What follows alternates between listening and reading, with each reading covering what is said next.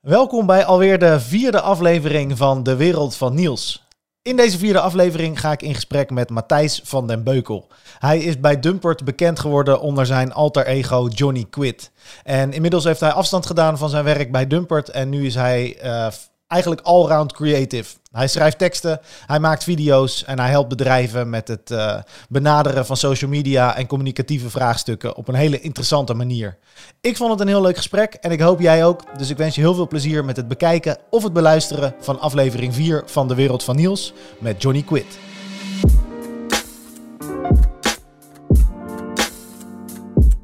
Welkom bij uh, aflevering 4 van uh, De Wereld van Niels. Ja. Deze podcast met niemand minder dan Matthijs. Ja.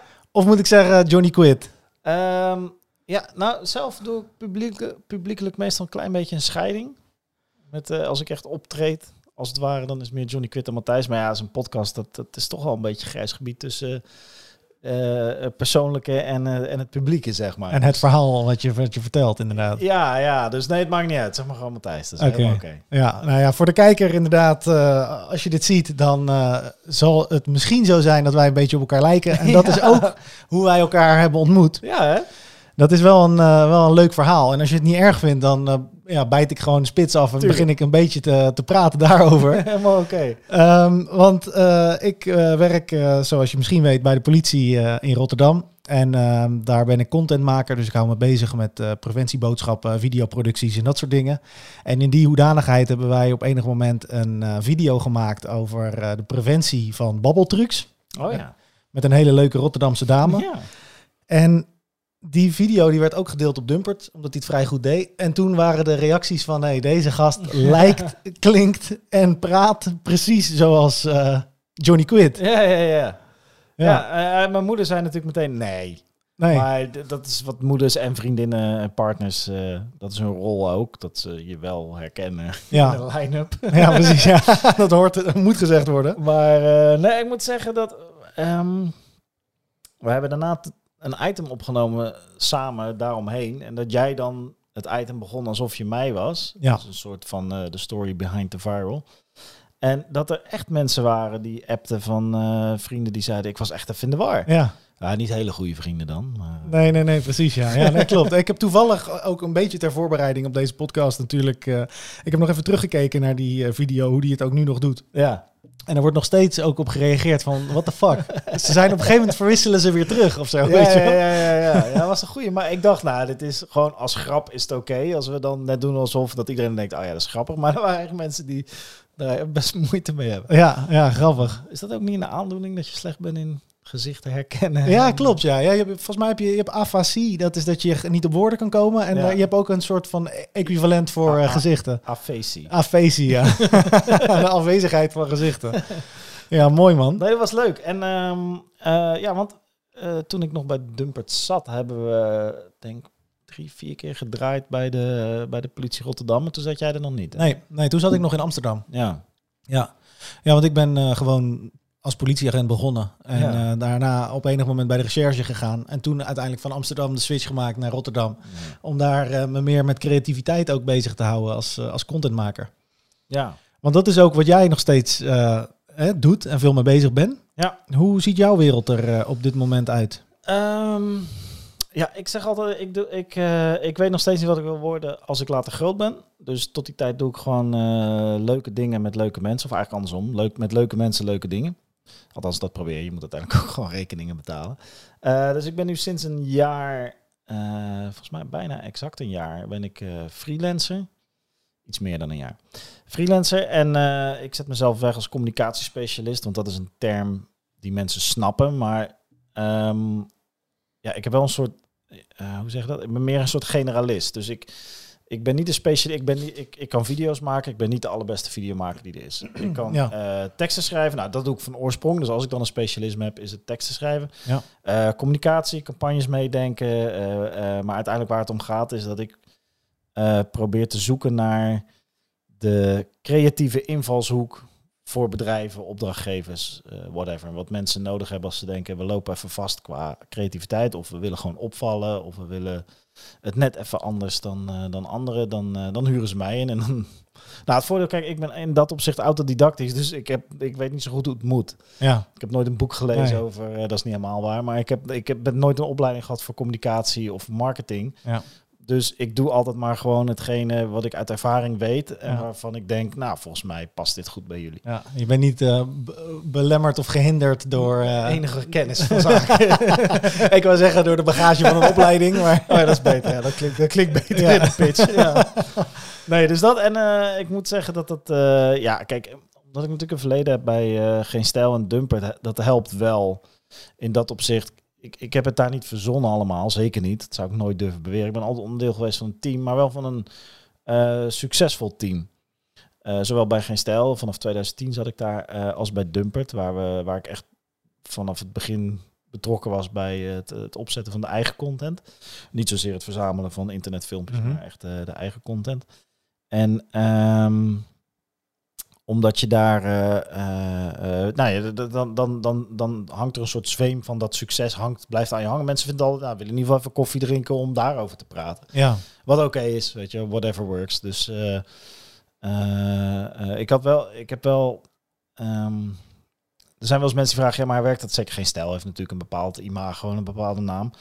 Ehm, en dan zeggen ze, werkt dat niet tegen je als je nu opdrachtgevers moet? Maar dat, ja, dat, dat is totaal niet zo. nee. Dat komt ook, denk ik, omdat heel veel bedrijven nog geleid worden door eh, witte mannen van eh, 40 plus. ja, precies. Ja. Alle stigma's die, Ja. eh, die zijn waar. Nee, hoor, dat, maar goed, maar nee, dat, nee, mensen vinden het altijd wel als, het- als het al te sprake komt. Ja, Want dat is op zich op eigen kracht krijg ik ook al best wel wat opdrachten binnen. Gewoon aan mensen die geen idee hebben wat ik hiervoor deed. wie, eh, nee, precies. Ja, Dus waar, waar je vandaan komt. Ja. Als we eventjes nog een stapje daarvoor gaan. Hoe ben jij daarin terechtgekomen? Ehm, nou ja, dat, dat, komt weer, weer op dat ik weet niet wat ik wil worden als ik later groot ben. Dus ik ben eh, tijdens mijn studie vroeg een, een basketbal, een teamgenoot van mij, die was eh, teamleider. Was die toen al teamleider? Nou, die werkte in ieder geval op een middelbare school. Een VMBO, eh, eh, BLKL en die NTL trouwens. En die zochten iemand voor eh, eh, 12 uur geschiedenis. En ik studeerde Amerikaanse cultuur en geschiedenis. Dus hij vroeg, wil je in plaats van als bijbaan tomaten plukken in het Westland, wil je ehm, Geschiedenis, lesgeven? ja. Ja. ik zeg, ik heb geen bevoegdheid. Zei hij, dat maakt niet zo heel veel uit. dus eh, ze waren lang blij dat ze in, de, in dat geval toen de tijd voor geschiedenis iemand voor die klasse hadden. Dus dat heb ik toen eh, gedaan. Dat groeide uiteindelijk uit van bijbaan naar een eh, gewoon een, een, een voltijdbaan. Maar onder, ik vond lesgeven heel tof, maar onderwijs was niet helemaal aan mij besteed. Dus toen heb ik op een gegeven moment mijn baan opgezegd. En dacht ik, ik word gewoon freelance tekstschrijver, want dat vind ik leuk. Ik vind schrijven leuk. Dus toen heb ik me geori- niet eens zo heel lang georiënteerd, maar toen ben ik freelance tekstschrijver geworden. Heb ik me overal naar binnen gebluft. Heb ik twee jaar gedaan, denk ik. In het begin moest ik nog bijbeunen in de kas. eh, in de orchidee, bij een orchideeënteler. Om de huur te betalen. Maar ehm, eh, uiteindelijk eh, nou, liep dat best goed. En toen dacht ik, eh, als ik nou in Nederland wil schrijven voor een zo groot mogelijk publiek, maar ik wil wel autonomie hebben over wat ik schrijf, waar moet ik dan zijn? En in 2010 was dat geen stijl. Dus ik heb geen stijl een mail gestuurd met wat jullie doen, dat kan ik ook. Ehm, dat klinkt heel stoer, maar ze hadden toen ook gewoon mensen nodig. Ja, ja, ja. En eh, wat ik toen heb gedaan is, ze zeiden, wil je een, een, eh, een topic sturen, een onderwerp, gewoon een, een stukje sturen. En dan kijken wij of wat vinden. Maar ik dacht wel, als je bij geen stijl, dat, dat is niet, je krijgt niet netjes als je een mailtje stuurt met een topic, dat je dan netjes een feedback krijgt van, nou dit is goed. Dit is, dus ik heb gewoon gedacht, eh, geen stijl, hoe werkt dat? Die lui moeten elke dag door de week zeker, moeten ze 13, 14 topics eruit rammen. Dus wat ik ga doen, ik ga gewoon elke dag vier, vijf topics schrijven. En die zijn echt niet allemaal een tien. Sterker nog, misschien was er geen ene tien. Weet je wel, Mhm. zaten altijd ergens tussen de, de, de 4, 5 en de, en de 7, 8. Ja. Ehm, maar ja, dat is precies wat ze nodig hadden. Gewoon eh, productie. Ja. En, eh, en dan nog het liefst ook een beetje leuk geschreven en een beetje passend bij, eh, bij het stijltje. Dus toen kwam ik daar binnen en heb ik daar denk ik vijf, zes jaar geschreven. En ik, mijn rol was altijd, tenminste, ik zag mezelf altijd als iemand, de, de, de redacteur die met de verwachtingen speelt. Dus als mensen denken dit gaat A worden, dan wordt het B. En als mensen zeggen geen stijl is dit, dan zorg ik juist dat het iets anders wordt. Ja. Wat het voor mij interessant maakt. Het politiek had ik niet zo heel, ik ben niet zo heel geïnteresseerd in politiek.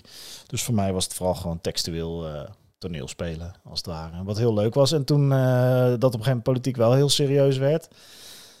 Ja, toen voelde het wel een beetje alsof ik zelf... Ik werd daar niet heel gelukkig meer. Uh, wel van het schrijven, dat was tof, maar gewoon uh, hoe het daar ging. En toen begonnen ze bij Dumpert, begon René met Brusselmans, een van de oud-redacteuren van Geen Stijl ook, begonnen met de eigen content te maken voor Dumpert.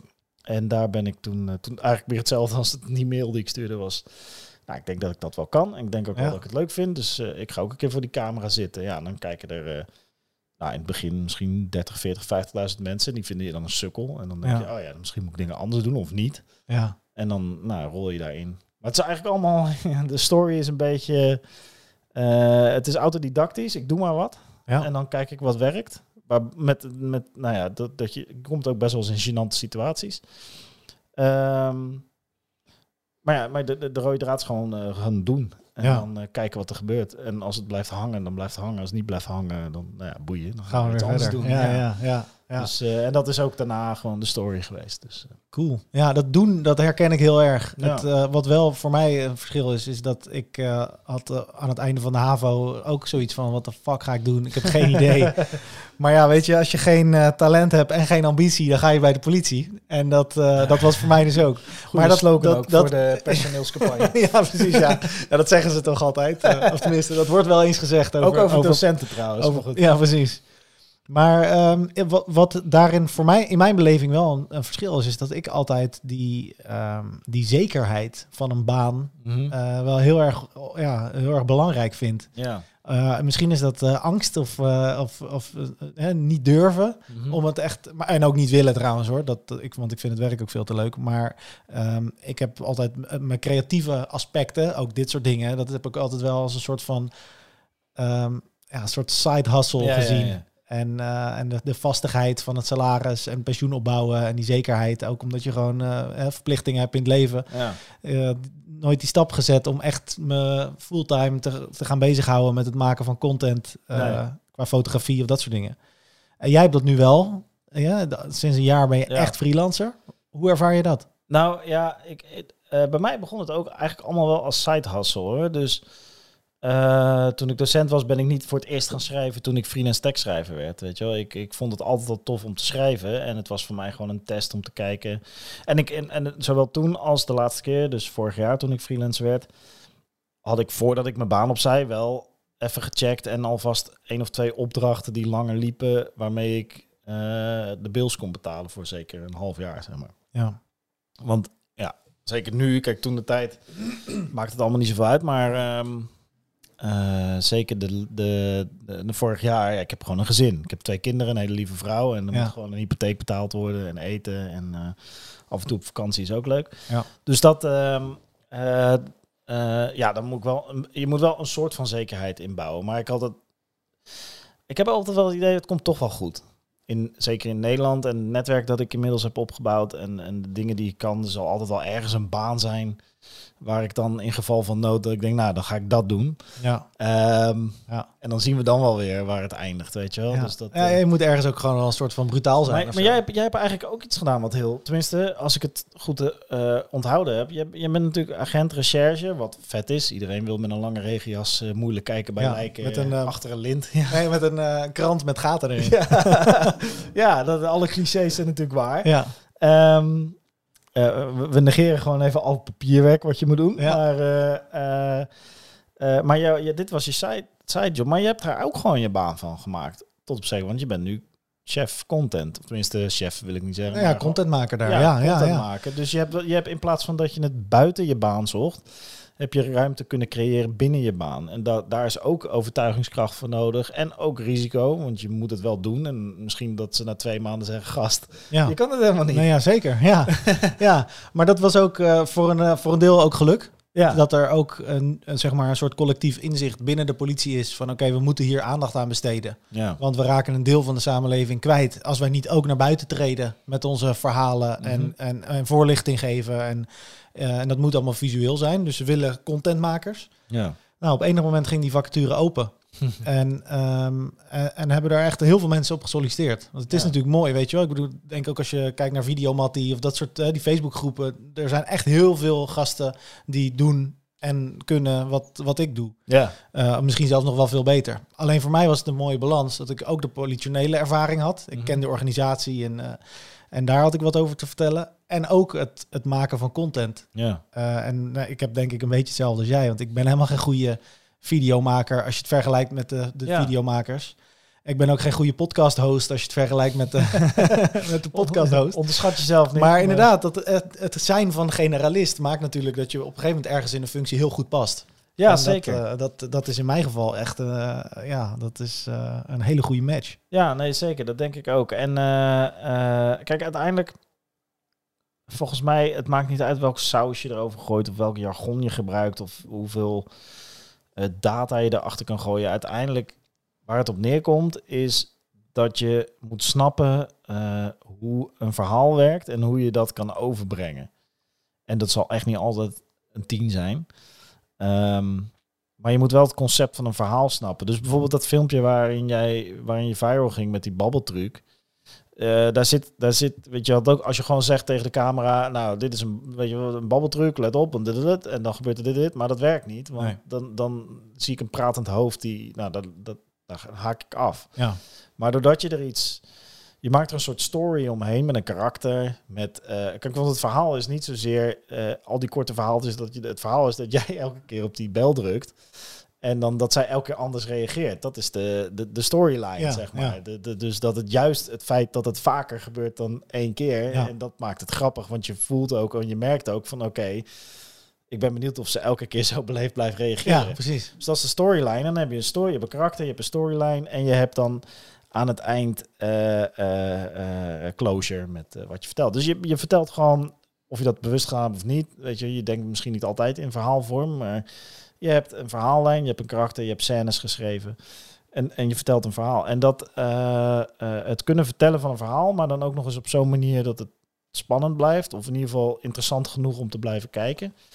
Ja, dat is een kunde. En dan maakt het niet uit of je eh, hele, je hebt hele vette apparatuur hier. Bij de politie hebben we waarschijnlijk ook gewoon prima spullen. Maar je kan het ook gewoon op een mobieltje doen. Ja, weet je wel? Als zeker. je maar gewoon, als je verhaal goed zit, dan maakt het. Eh, dan is de techniek is de, de, de, de kers op de taart. Maar Ja. is, eh, en hoe je daarmee om kan, of je het maximale eruit kan halen. Dat, dat, dat is leuk, dat, is, dat helpt, weet je wel. Eh, en voor sommige grote high-end dingen heb je het ook echt nodig om, om kwalitatief goed spul te hebben. Maar voor het merendeel heb je gewoon vooral verstand nodig Ja. van wat is een vet verhaal. Want je bent ook fotograaf, toch? Ja. Ja. En dan zoek je ook naar ehm, op straat naar het, het verhaal. Alleen dan is je tool is één foto. Ja, Dus één een pakkend beeld. Ja. Ja, en probeer je daarmee in ieder geval ruimte voor een verhaal te creëren. Dus het wil niet altijd zeggen dat, het jou, dat ik zie wat jouw verhaal was toen je de foto maakte. Maar dat er wel eh, ruimte is voor een verhaal. Ja. ja, en wat er dan nog bij komt als je op zo'n eh, redactie werkt, dat is waar ik werk, van de politie, is dat je, ehm, je hebt altijd, zeg maar, aan de ene kant de productiekwaliteit, Ja, ja, ja. maar aan de andere kant ook de tijd en de inzet en, Ja. de, en de kosten daarvan. En dat moet op, dat, op, op- ergens kruist dat elkaar. Je moet dat levelen, ja. Je moet dat levelen met elkaar. Ik kan me niet veroorloven om twee weken aan één video te werken. Nee, nee, nee. Weet je wel? Dus dat moet ook. En dat gaat dan soms, of ja, eigenlijk altijd, gaat het ten koste van een bepaalde, uiteindelijk een soort van eindkwaliteit. Ja. Ik kan niet eindeloos gaan uh, graden. En eh, dat Nee. kan ik ook zelf trouwens helemaal niet. eh, niet Nee. goed in ieder geval. Maar weet je wel, en dat is natuurlijk wel iets wat, je, wat ook bij je moet passen. ja. En, ehm, en, en daarin dus ook de balans vinden van oké, we hebben dit, dit verhaal, we hebben deze videoboodschap, we hebben deze uitdaging. Ja.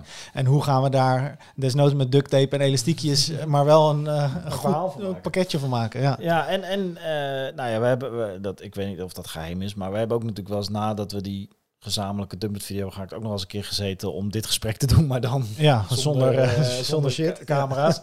Eh, bij de politie zit je natuurlijk op echt een, een schatkist aan verhalen. Niet normaal. Ja. Van super inspirerend tot mega emotioneel, van heel controversieel tot heel maatschappelijk betrokken. En ja, je hebt, je hebt natuurlijk gewoon echt heel veel keuzes aan verhalen en mensen. En ik vond- maar je hebt nu bent ook begonnen met podcast, hè? Bij de Ja.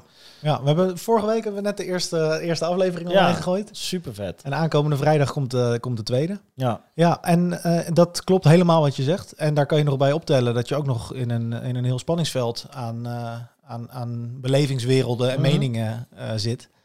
En dat maakt het eh, heel erg interessant. Ja. maar hoe zit dat? Ja, misschien is het. eh, maar als je, eh, ik, hoe werkt dat bij de politie dan? Als jij, jij wil die podcast maken, is er dan nog een soort check van bovenaf? Of worden ze daar dan, kijken ze wel heel secuur mee met wat, de, wat je precies allemaal dan gaat doen in zo'n podcast? Of, eh, Nou ja, het grappige is dus dat er... ehm, ik ben van de eenheid Rotterdam de enige contentmaker. Die Mhm. doet zoals ik het doe.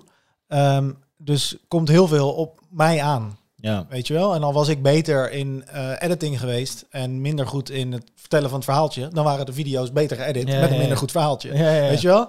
En dat was dus ook dat hele podcast. Ik vind podcasten echt fascinerend. Ik vind het heel leuk om zo engaged in een gesprek te duiken. En om daarin een bepaalde lijn te vinden. En ik vind het ook heel leuk om het zelf dan te hosten. Dus ik had zoiets van, ja, er moet een podcast komen. En het is echt niet zo dat er gewoon tonnen op de bankrekening... Ja, misschien die staan er ongetwijfeld, maar niet dat ik daar de, de, de pas en de code voor heb. die is voor de nieuwe tank. Weet je wel? Dus daar moet je dan heel goed over nadenken. Je moet het dan in een soort, bijna een soort van pitchen waarom we dit dan nodig hebben. Ja. Ehm, en dan, ja, op enig moment dan is het wel van, oké, eh, je krijgt zeg maar groen licht om dit te gaan doen. Ja. Ehm, maar dan heb ik daar wel echt een plan over geschreven en aangedragen waarom dit dan bijdraagt en waarom we dit nodig hebben. En, eh, en dan ehm, eh, ja, wordt er wel per podcast wordt, die wel, wordt er wel naar gekeken. Het is niet dat er echt censuur wordt toegepast, maar het is wel van, eh, eh, ja, vinden we dit, kunnen we hiermee leven, zeg maar. Ja.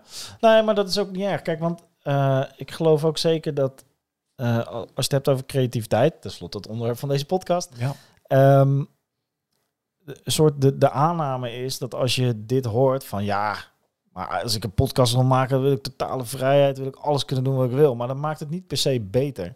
Ik heb het idee met, met creativiteit dat de, eh, er, is, er, is, daar is, er is een soort eh, spectrum, maar beperking maakt je creatiever. Dus of die beperking dan is in het materiaal, of in het budget, of in het feit dat je. Ik werk ook voor opdrachtgevers. En natuurlijk kan ik er elke keer met gestrekt been in en, en allemaal eh, rariteit uithalen. Dan valt het zeker op. Maar dat werkt niet voor dat bedrijf of voor die opdrachtgever. Want die hebben de boundaries, de, de beperkingen van branding, van producten, ook van budget. En het moet binnen die kaders gebeuren. Ja. Eh, en dat geldt bij de politie natuurlijk net zo. Dus als jij dit luistert of, of kijkt en je denkt...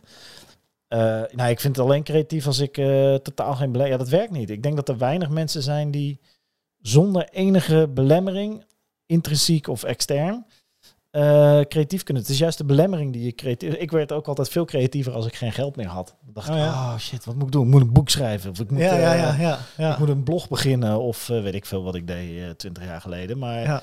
weet je wel, een beperking. Want dan is het ineens, eh, er zit een andere noodzaak in. Ja, nou ja, zeker. Of een Ja. beperking. Dus ik denk dat Ja. het bij de politie juist interessant is ehm, in hoe kunnen we verhalen ontaarden. Eh, eh, maar binnen de beperkingen van, van protocollen en, en zaken die gewoon horen bij politiecommunicatie. Ja. Ja, en dat is één kant. En de andere kant is nog dat sommige dingen die eh, kunnen en mogen ook niet gedeeld worden. Nee. Want ik heb bijvoorbeeld aankomende vrijdag, dan gaan we online met, en dat mag ik zeggen, we gaan online met een eh, podcast over eh, team criminele inlichtingen.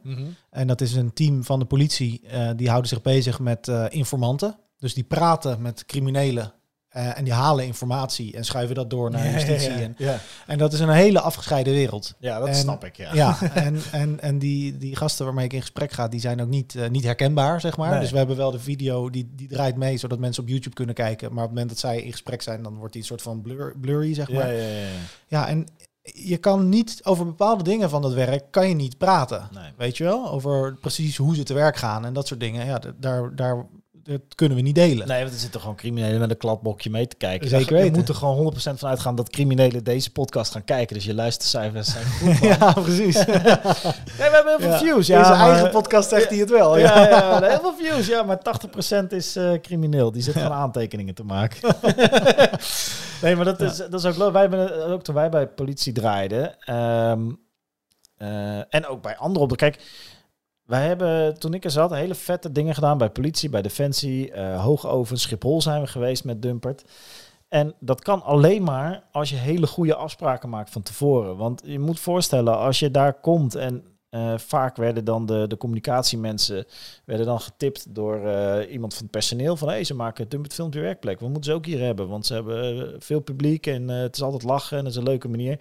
Ja, dat is leuk, maar je moet dat wel brengen naar iets wat voor de organisatie, politie, defensie, groot bedrijf, Schiphol, ja. wat acceptabel is qua je moet niet van die debiele vloggers hebben, weet je, van die, van die rare YouTubers over de vloer die dan in één keer uh, een pan met kokend staal uh, omschoppen. Dat kan niet, die zijn heel groot. Maar, maar ja, maar je, eh, dus daar moet je ook gewoon goede afspraken van tevoren maken. Er zit gewoon productie omheen. En ook achteraf moet je inzage geven. En dat betekent dat je niet alles kan gebruiken of dat je alles inderdaad, uh, dat je sommige dingen moet bleuren. Maar dan komen we weer terug bij dat verhaal, weet je Als het nog steeds mogelijk is om binnen die kaders toffe verhalen te, te, te maken waar mensen, uh, waarvan mensen het leuk vinden om naar te kijken of, of in dit geval te luisteren, dan moet je het gewoon doen. Zeker. En dan, dan maakt het je gewoon creatiever in hoe je dat verhaal gaat brengen. Ja, nee, absoluut. En ik moet ook zeggen dat ik dat ook een, echt een hele mooie balans uh, vind in ook het platform van Dumpert, maar zeker ook die hele Dumpert Film Je Werkplekken reeks. Dat is de balans tussen aan de ene kant gewoon entertainment en gasten die heel erg tot de verbeelding spreken. Want hè, er is gewoon een hele grote groep gasten die ook zo zijn in belevingswereld, in humor. Nou ja, ik vond onszelf, wij waren altijd sukkels. Maar dat, dat, is, dat is denk ik ook wel ontwapenend hoor. ja, nou ja, ja, maar ik, ja, ik, denk, nou ja, ik, ja, ik denk dat sukkels niet de goede term is. Maar je moet jezelf ook niet al te serieus nemen. Nee, exact. Maar dat heb ik ook als politieagent ook. Weet je wel, van kom op. Je op straat. op straat, maar ook zelfs in, in, als ik die podcast host of zo. Mhm. Weet je wel, ik ga er niet als een of ander uh, autoritair uh, de wijsheid in pacht. Uh, nee, dat werkt helemaal niet. Nee man, kom op, doe even normaal. Daar weet je het meeste publiek ook gewoon doorheen. Ja, dus, en ik vind het ook leuk om te zeggen dat ik bijvoorbeeld vroeger nooit bij de politie wilde. Weet je wel, dat is toch juist mooi om dat dan ook een agent te horen zeggen. Zeg maar. dat, dat maakt je ook wel menselijk. Ja, ja, 100%. Maar dat vind ik dus bij, bij Dumpert Film Je Werkplek, vind ik dat een hele mooie balans. Dat je dus wel ook het bedrijf of de werkplek voldoende zeg maar, respecteert en het echt laat zien. Maar wel op zo'n manier dat het heel veel gasten aanspreekt. Ja, ja, ja. je gooit er wel je, je, uh, uh, je eigen saus overheen, zeg maar. Ja. En, um, nou, dat was ook wel een van de stelregels die we hadden, was... Um, zeker bij Dumpet Filmpje Werkplek hadden we wel... daar, het, het ziet er altijd nou ja, weet je wel, alsof het gewoon, we gaan komen langs en we doen. Maar een van de stelregels die we wel hadden, is de enige die we voor lul zetten, dat zijn we zelf. Dus als er iets misgaat, dan is het René die zichzelf weer voor lul zet omdat hij niet snapt hoe een reddingsboot werkt, om maar wat te noemen. Of ehm, we lachen heel hard omdat ik weer aan het verkeerde touwtje trek, weet je wel. Of ik stel een domme vraag. Ja, ja, ja. Uh, maar degene met wie we meelopen, daar, uh, ja, die, oh, of het nou tijdens of in de edit was, die, die hou je in zijn waarde. Want we zijn wel te gast en we willen juist, weet je, jij hebt een vette baan, dus dat willen we laten zien. En wij zijn de sukkels die Ehm, voor de humor zorgen. Maar die gaat dan alleen ten koste van onszelf. En niet zozeer en niet ten koste van de, ja. uh, de partner waar we op dat moment filmen. En ik denk dat dat uh, prima werkt. En, en ja, omdat je wat je zegt, omdat je jezelf ook niet serieus neemt, dat dat uh, geaccepteerd wordt. Omdat we ook in andere programma's meestal of elkaar belachelijk maken of onszelf. En dat uh, jezelf niet altijd al te serieus nemen. Dat, uh, zoals nu, nu neem ik mezelf heel serieus. dat, uh, dat, dat werkt wel. Hoe is dat, dat helemaal tot stand gekomen? Die, die verschillende rubrieken binnen Dumpert en, en ook de gedachtegang daarachter. nou, dat zijn ook geen geheimen. Dumpert Reten is bedacht door bijvoorbeeld Brusselmans en volgens mij Maxime Hartman. En René, die was er vanaf het begin bij. Ik begon bij aflevering 7 of 9. Uh, eh, en dat kwam gewoon voort uit, uh, we willen meer, we willen eigen content maken en we willen meer met de content die er al is. Dus we gaan gewoon, het is gewoon een reactievideo, weet je wel. En dat werkt al sinds America's Funniest Home video's, maar dan voor internetgeneratie. En je ziet ook nu dat reactievideo's doen, is een van de dingen die het op YouTube heel goed doen. Ja. Of dat nou reactie is op uh, muziekvideo's. Of volgens mij heeft Milan Knol heeft nu uh, dat een soort semi, het is geen dumpetreten, maar dat je internetfilmpjes kijkt en daarop reageert. Dus dat, uh, dat, werkt, uh, dat werkt gewoon als concept heel goed. En Dumpet Filmpje Werkplek was dat we ehm, we waren in Oostenrijk geweest om op zoek te gaan naar de band, die, de Tiroler band, die een soort nummer had gemaakt. Wat Ja. altijd onder die dansvideo's werd gezet. En eh, eh, die, ehm, eh, uiteraard waren we uiteindelijk in een of ander crappy hotel in eh, Oostenrijk, waar 15 bejaarden naar dat bandje luisterden. En toen we ze eindelijk konden interviewen na een hele aanloop in skiën en leren skiën en après skiën, eh, was het eerste wat ze zeiden, oh ja, nee, dat zijn wij niet. Dus, eh, dat, was echt, dat was echt top. Ja, hilarisch. Ehm, maar toen kwamen we terug en toen reden we, we vlogen op Eindhoven. En toen reden we langs VDL. Dat zit daar zo, de autofabrikant. En toen hadden we het over eh, Discovery's How It's Made, dat programma. En toen zeiden we eh, samen met eh, de producent en eh, René en Nick dan, Nick en ik, dus Ja. eh, met z'n vieren, toen zeiden we van ja, we, eh, we willen vooral excuses om niet in het kantoor te hoeven zitten. En we hebben in Nederland best wel vette bedrijven. Waarom gaan we niet eens gewoon vragen of we langs mogen komen met Ja. de camera? We maken een soort How It's Made, maar dan Nederlands. En Cool. dat veranderde in Dumpert Filmpje Werkplek. En we hebben ook echt nog wel concepten gehad. We hadden een Dumpert Duel, heette dat. Ik denk dat er nog twee of drie online staan. Waarin we een taak moesten uitvoeren met een bemoeilijk, zeg maar een, f- een, factor die het eh bemoeilijkt. Dus we moesten bijvoorbeeld een omelet bakken eh, in een paintball arena. Dus dan stond ja. zo'n gaststelletje omelet te bakken en dan ondertussen mocht de ander je beschieten, jij mocht terugschieten. Ah, dat, dat werkte niet en dat was ook iets te, st- ja, stuk te veel. Ik weet niet, dat stond toen denk ik ook al, maar iets te vloggerig, zeg Ja, Iets te, ja. te ver van, eh, het was iets te gimmicky. Ja. Dus dat werkt ook niet. Nou, daar leer je dan van. Ehm, maar zo, ja, aldoende, we, we gingen met EK, dat is dan vier jaar geleden, denk ik. EK hadden we een samenwerking met eh Neil Petersen van eh Giro en eh maakten we EK Daily.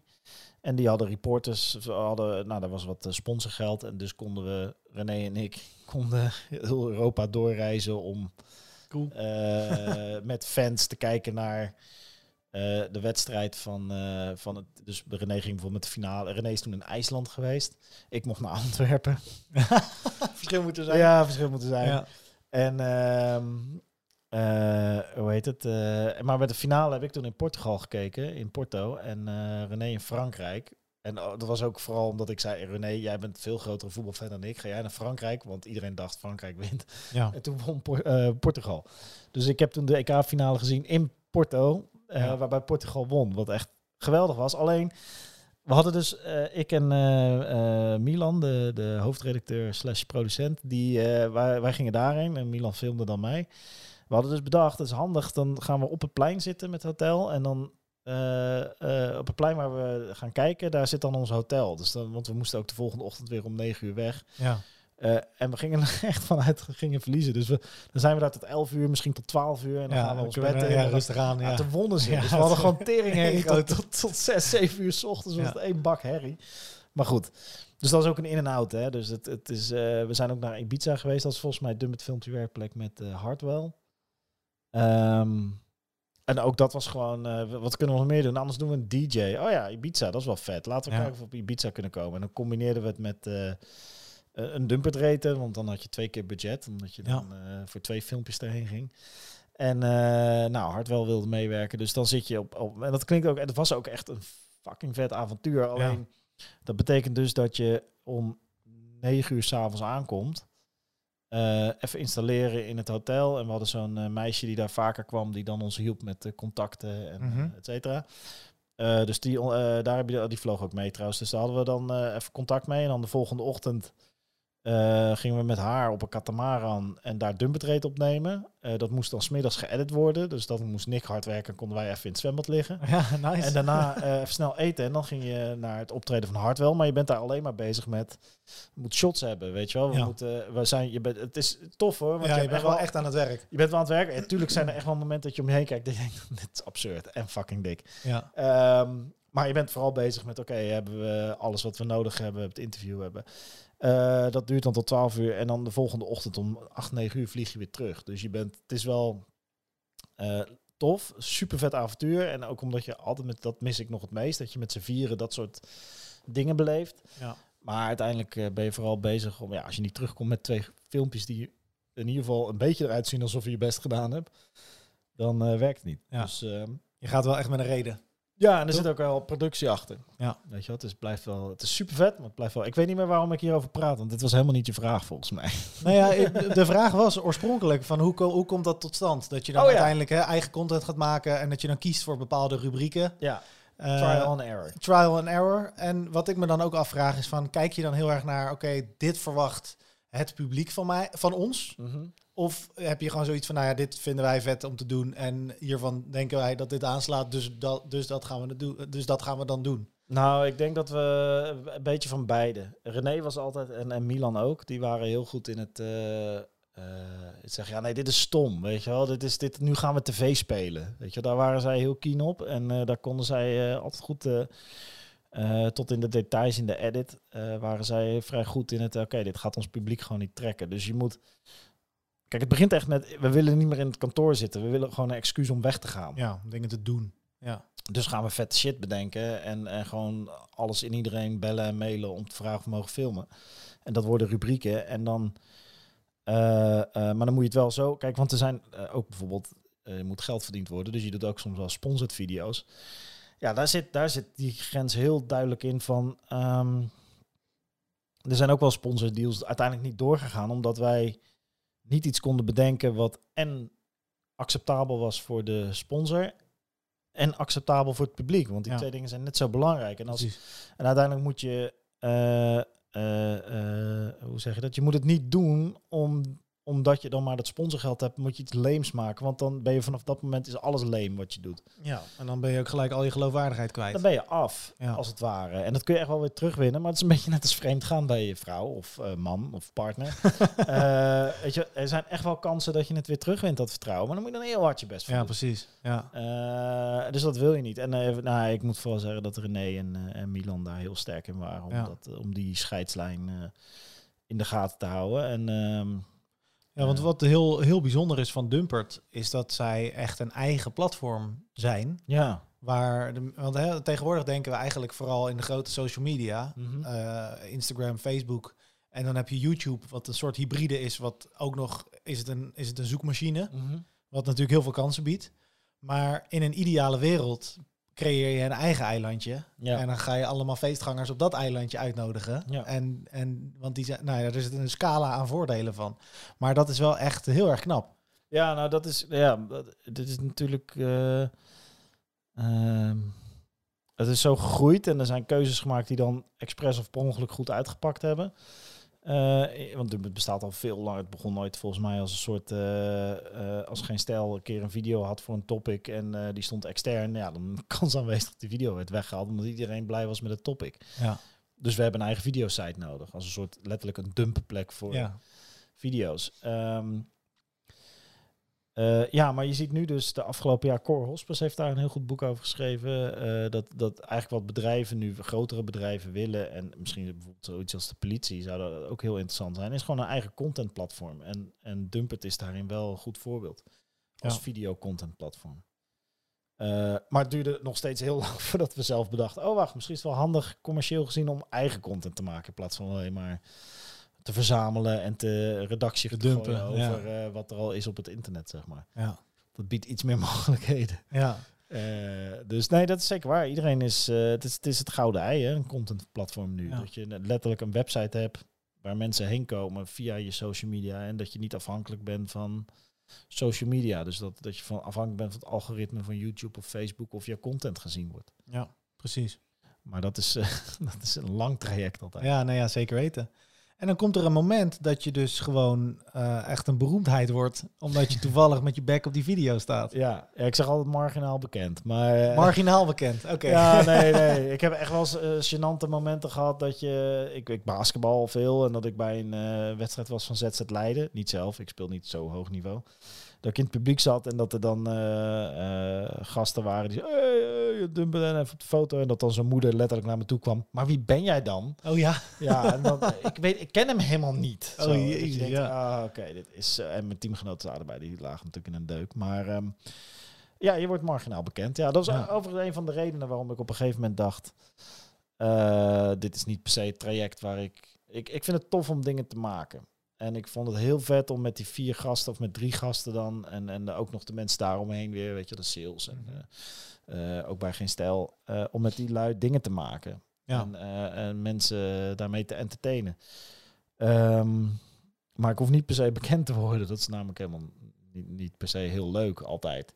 Dus ik heb op een gegeven moment was dat een van de redenen om te zeggen, joh, ik ben 36 toen, drie jaar geleden, drieënhalf.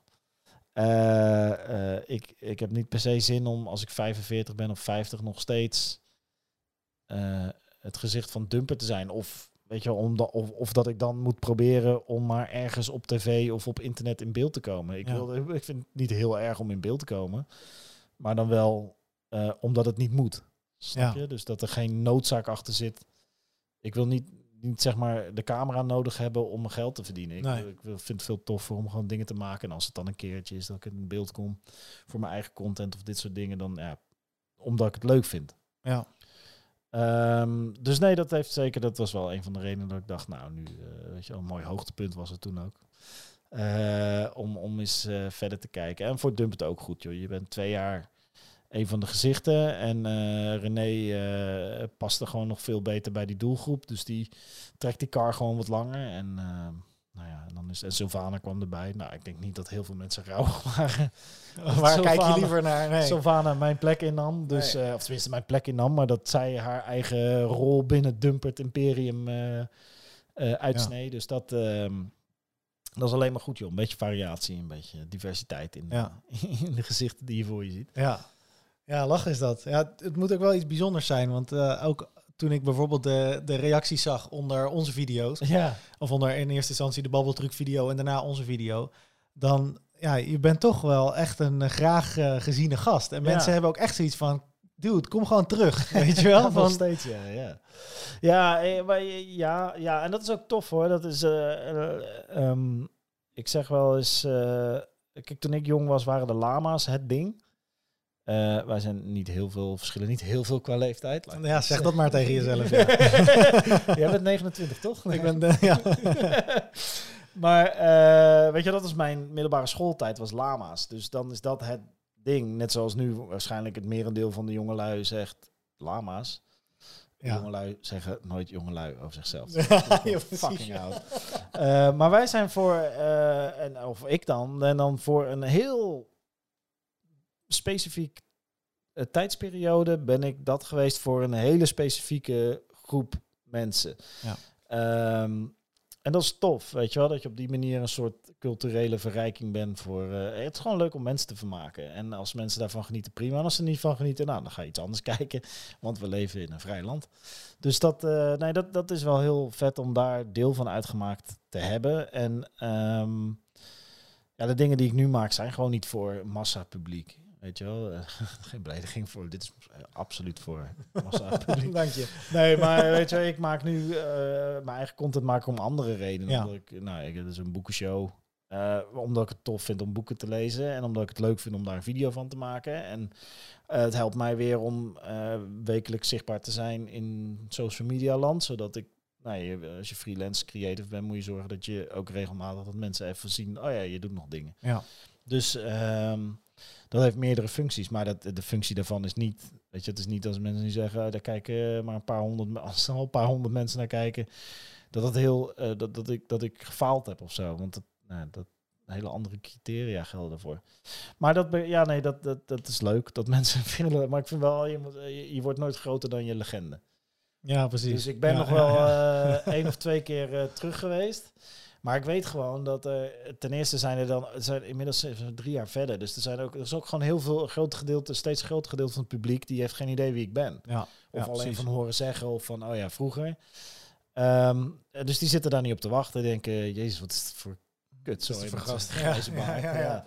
En het deel dat nog wel weet, die, die denkt, oh ja, nee, in mijn herinnering... ehm, weet je, net als van je ex, toch? Dan onthoud je alleen de... Uiteindelijk herinner je alleen de leuke, mooie Hele momenten. denk je, oh ja, het was misschien toch wel een goed idee als we weer bij elkaar komen. En dan kom je weer bij elkaar en denk je, oh nee, het was helemaal niet. Altijd mega tof. Dus eh, er zijn gewoon... eh, nee, het is leuk om heel af en toe... En achter de schermen, ik bedoel, ik zie die gasten nog wel eens per maand, eh, eens per twee maanden. En heel af en toe ook nog wel eens voor de, voor de camera. Maar dat, ja, dat moet... Moet het, wel, het, het moment moet ervoor zijn. zeg ja, maar. en ik, moet er ook, ik heb er ook gewoon... Ja, hoeft, het hoeft voor mij niet per se elke Nee. keer meer, zeg maar. En waarin ligt dan...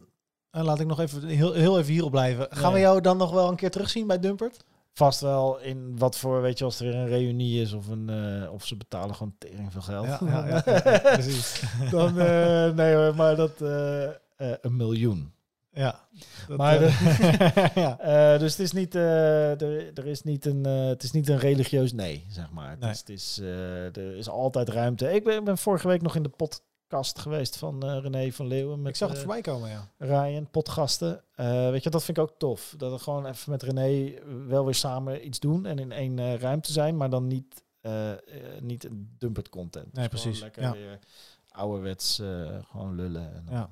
En waarin eh, ligt dan voor jou nu de, de ambitie? En de, eh, als je het hebt over een toekomstperspectief of, of eh, ergens waar je naartoe wil, zijn er dan zijn, heb je, zijn dat gedachten die, die je hebt? Zijn er dingen waar je. Ja, naar kijkt? er zijn, er zijn ik heb vandaag nog, hey, je bent ook fotograaf. Ik heb vandaag toevallig, ik was bij een, een vriend van mij, Stefan, Stefan Pop. Ik ken heel, ook van Clickbait.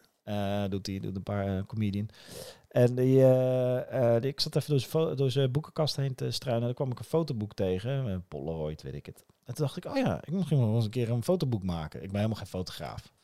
Weet je Ja. wel? Maar dat is dan niet zozeer een ambitie als in dat is een life goal, maar wel zoiets. Ah, ik ben benieuwd of dat kan. En dan ga ik over nadenken, wat zou ik dan voor onderwerp nemen? En eh, wat moet ik dan kunnen om dat te kunnen maken?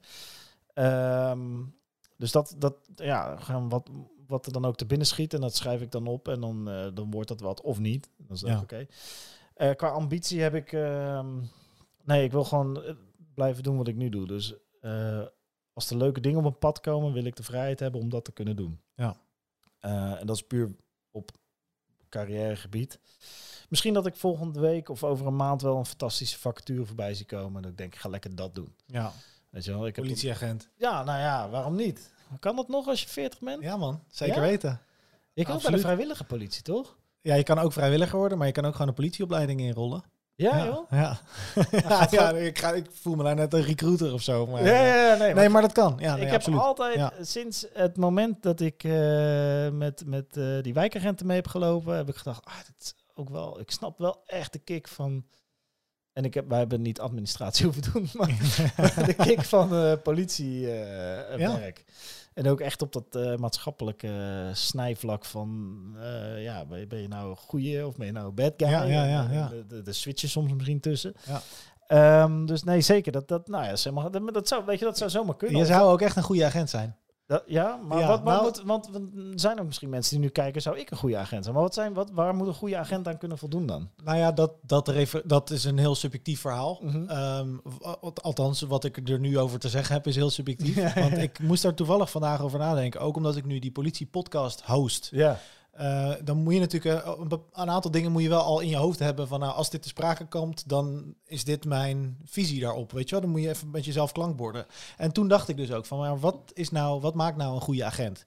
Kijk, en er zijn natuurlijk een aantal eh, open deuren, communicatief vermogen, ehm, eh, zelf, weet je wel, kunnen, kunnen leren en kunnen reflecteren, want je moet ook die opleiding door. ja. Ehm, maar wat ik denk dat ook heel erg belangrijk is, is je moet het werk als politieagent, dus als je het als een soort van symbool ziet, je moet dat niet op een voetstuk plaatsen. Nee. Je moet het niet verheerlijken. Nee, nee, nee. En er zijn natuurlijk ook gasten, eh, en gelukkig eh, in, vanuit mijn referentiekader zijn dat er niet veel, maar die hebben al vanaf jongst af aan dat hele politieagent zijn op een soort van Als voetstuk concept, gezet. zeg maar. ja, en die gaan daarnaar leven en zich naar gaan gedragen. En die verwachten dan ook een bepaalde autoriteit te zijn of dat terug te krijgen. Ja.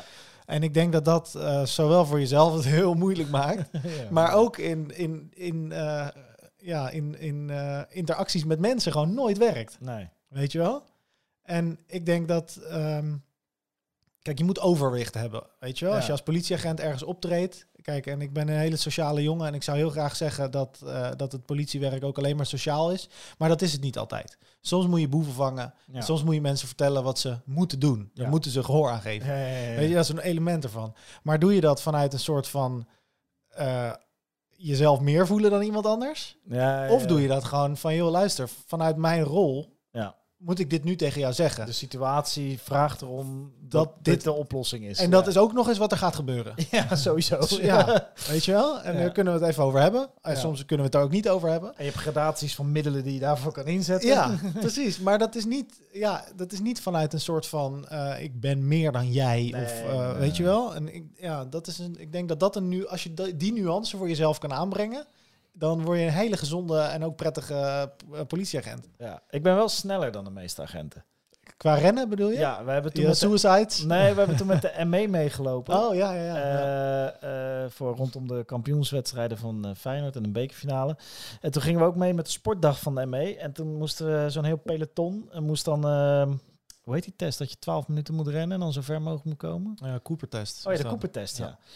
Ja. Ehm, ja, dit, dit klinkt veel te opschepperig, maar, eh, eh, maar het staat op beeld, dus het is niet opscheppen. Het staat gewoon op beeld. Nou ja, dan is het Toen zei die commandant, die, die zei van, eh, ga meerennen. Ik ben wel sporty spice, dus ik vind dat wel tof. Ik ben, Ja. wel benieuwd hoe fit ik ben ten opzichte van de ME'er. Ja. En toen zei die commandant zei tegen mij van, je moet, weet je wat nou grappig is, als je gewoon vier rondjes probeert vooraan te lopen, weet je wel, dan wordt iedereen gek achter Ja, precies. Oké, best. Dus ik, ik denk, oké, ik ga niet asociaal, ik ga niet vooraan lopen, maar ik ga dan op de tweede plek lopen. Dus er is gewoon één guy die loopt veel harder dan de rest. Ja. Dan ga ik dan achteraan. Dus nou, in het begin was dat met een groepje. En op een gegeven moment kijk ik om, denk oh, we zijn echt nog maar met z'n tweeën. Ja.